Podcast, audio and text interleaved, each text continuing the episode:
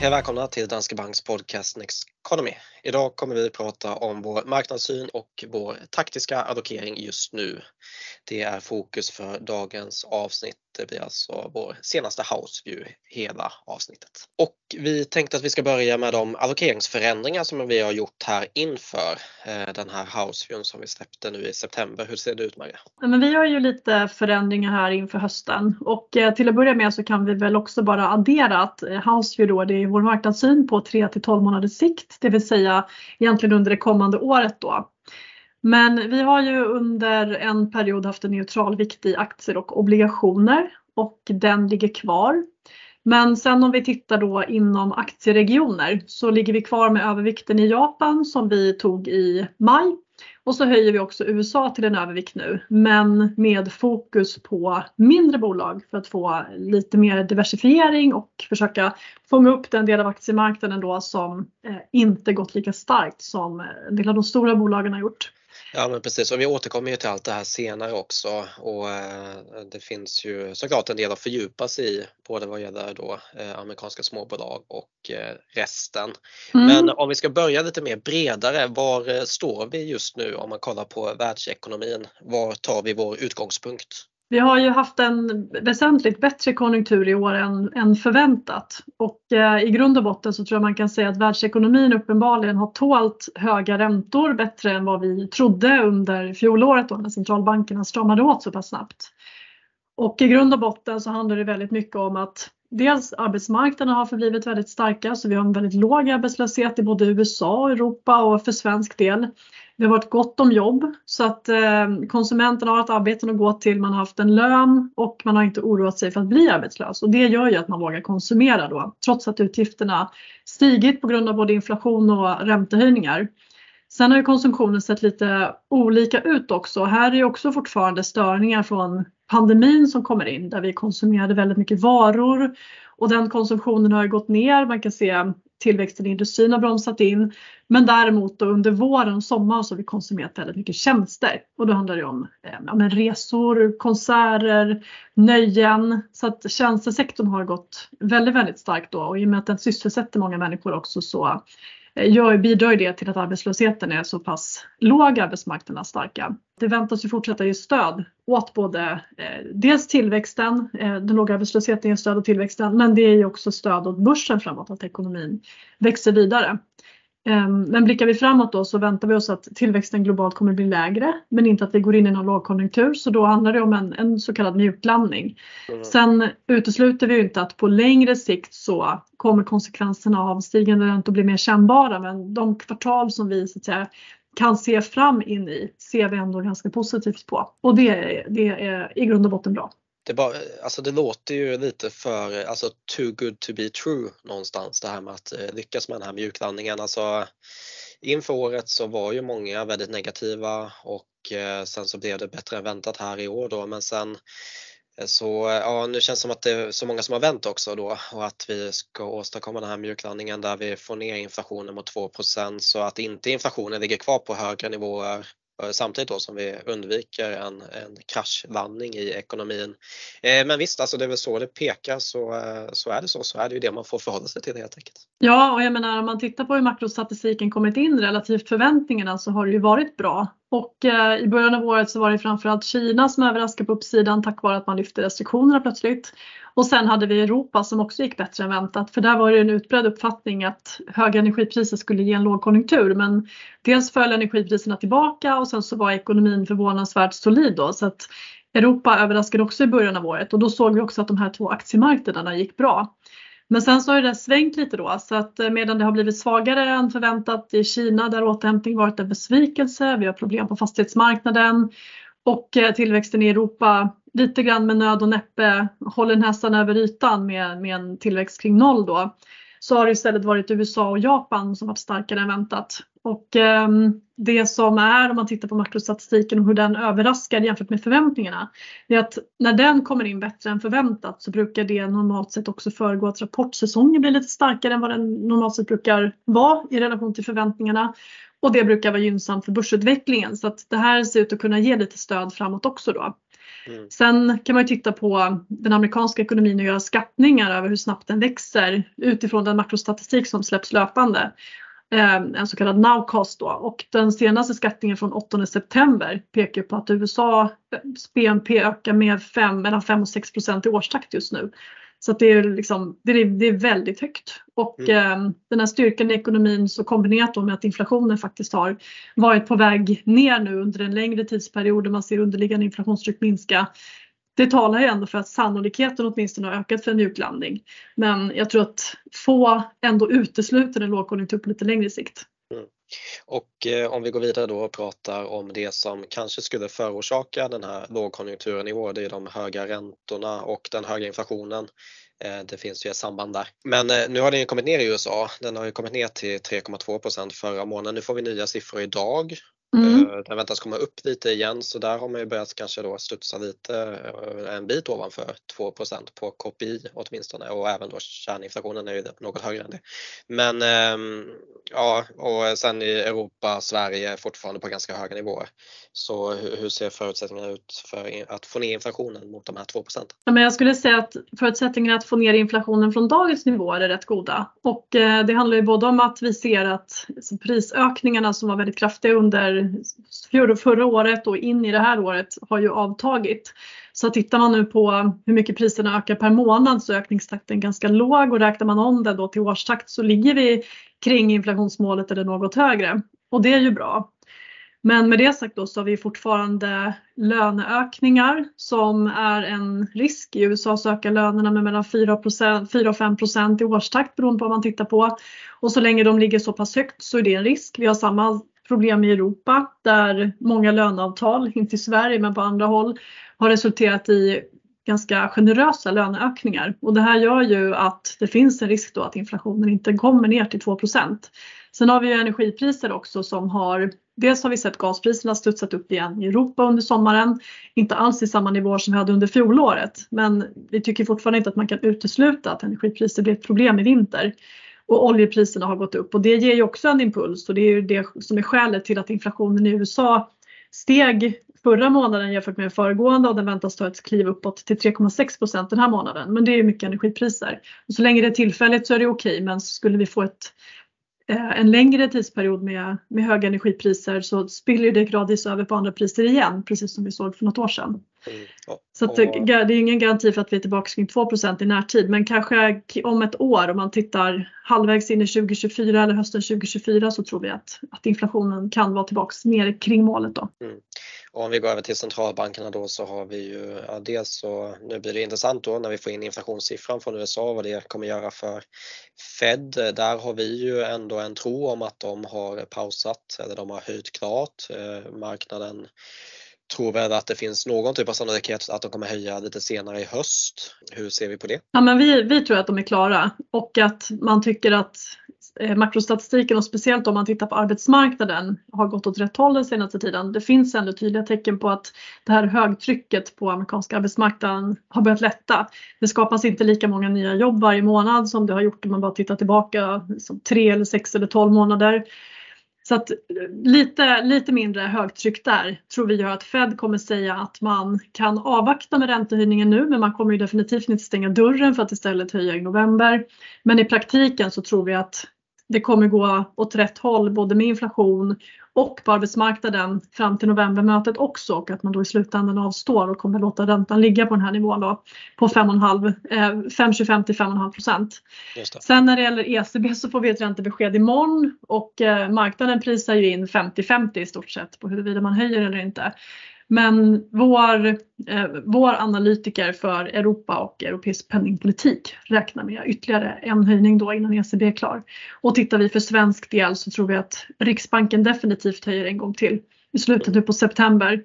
Um, sen så lutar väl vi åt att man är klar där men um, fullt möjligt att man höjer ytterligare en gång innan årsskiftet. Ja, vi både lutar mot och hoppas att uh, de är klara där. Nej, ja, men med tanke på ja, men boräntor, jag menar den makrostatistik vi får in för svensk del är ju um, ändå ganska svag. Det är mycket som, som pekar neråt, sen kan man diskutera hur kraftig den inbromsningen blir men det är klart att svensk ekonomi känner av höga räntor och att, att ta det lite lugnt och invänta konsekvenserna är väl inte så tokigt. Sen det här med att hoppas, det är nog bara många som hoppas på att räntehöjningar ska vara klara. Eh, men sen så måste man ju såklart ta hänsyn till att vi har en alldeles för hög inflation.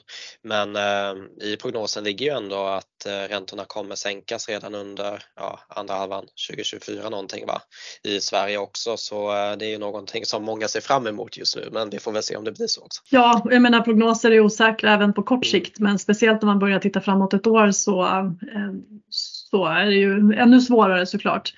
Men inga räntehöjningar i år, sannolikt inte under första kvartalet nästa år heller. Eh, förlåt, räntesänkningar. Men kommer vi in längre i 2024 så jag menar, fortsätter inflationen ner och vi ser att, att liksom, trycket i ekonomin dämpas så att det finns anledning att kanske backa lite på den här stramaste penningpolitiken ja då kan vi nog se räntesänkningar. Men, men här och nu, jag menar så länge ekonomin är så här stark, arbetslösheten är låg, då finns det ingen anledning för centralbankerna att överhuvudtaget börja titta på att sänka några räntor.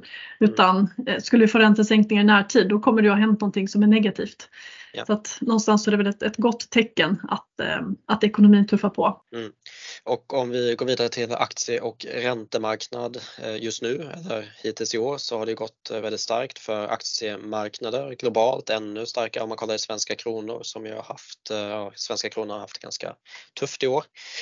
Så ja, vi kommer ändå från en bra period nu då inför hösten. Ja men det gör vi verkligen. Och eh, om man tittar på, på värderingarna då så har de stigit ja, ganska kraftigt det senaste året. Så de var ju väldigt pressade för ett år sedan i september, oktober.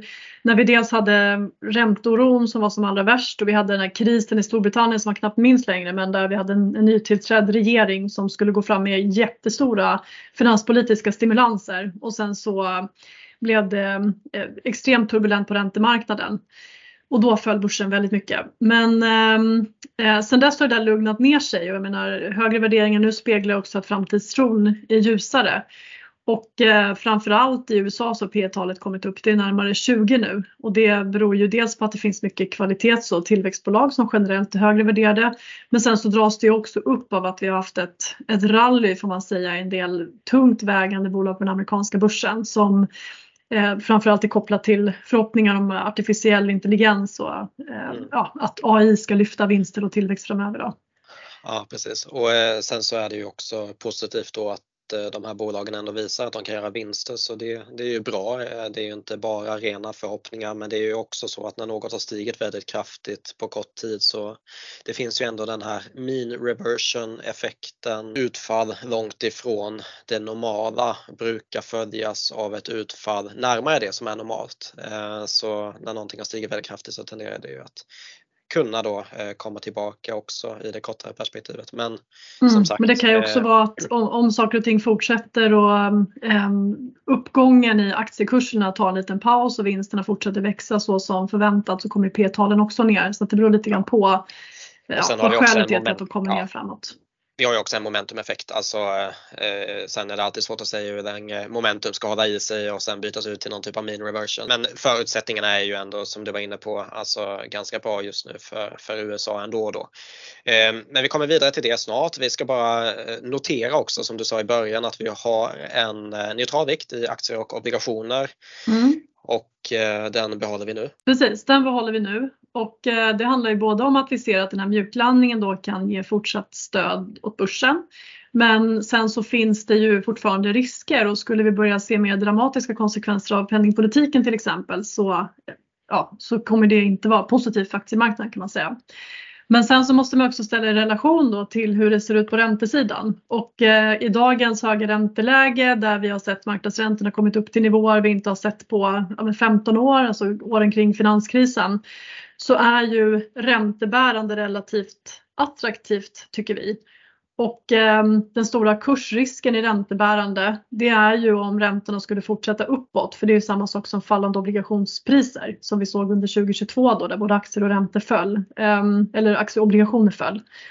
Men blickar vi framåt då så är väl vår bild att räntorna nu är ganska nära toppen om man tittar på marknadsräntor även om styrräntorna höjs någon gång till.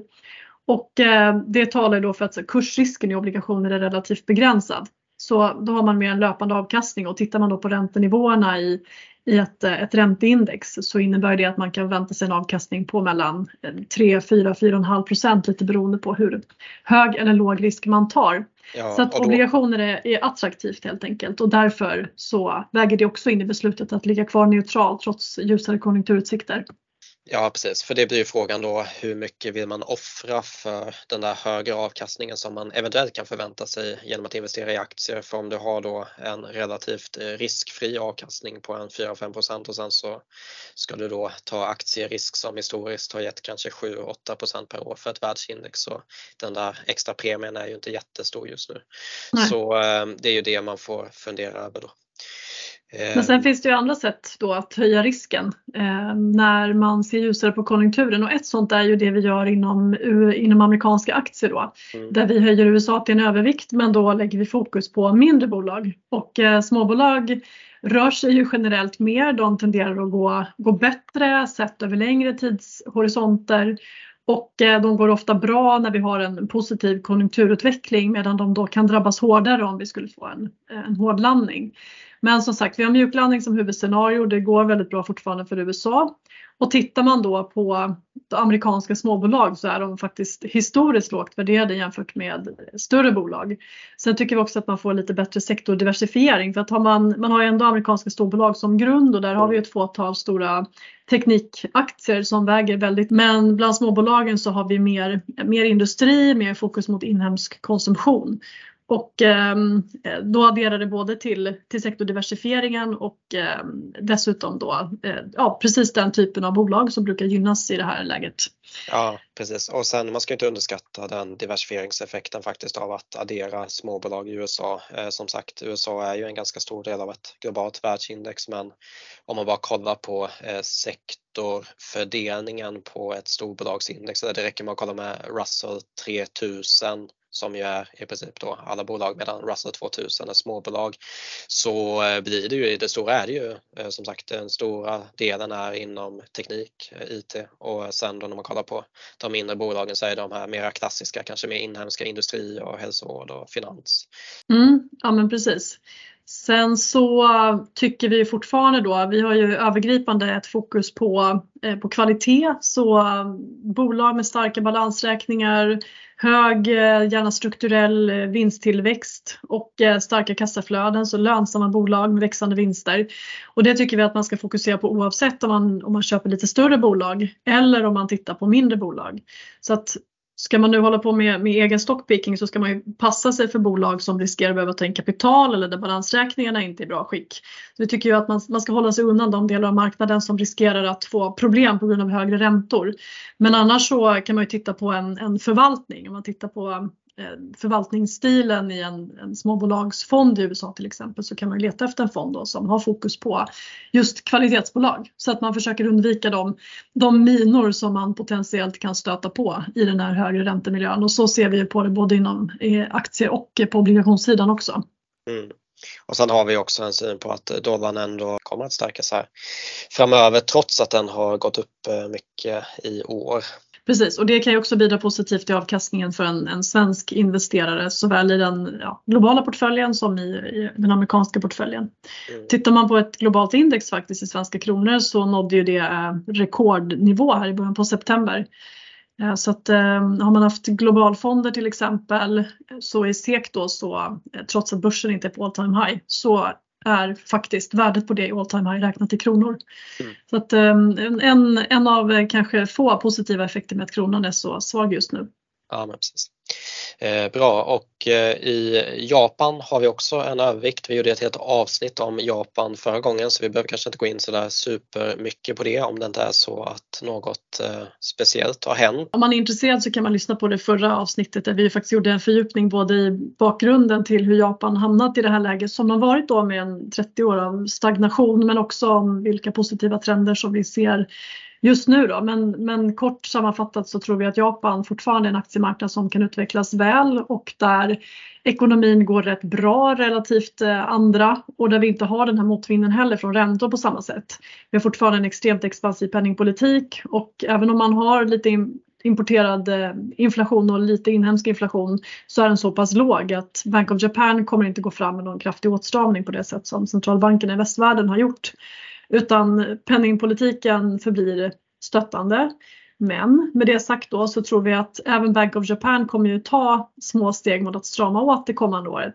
Och det kommer faktiskt vara positivt.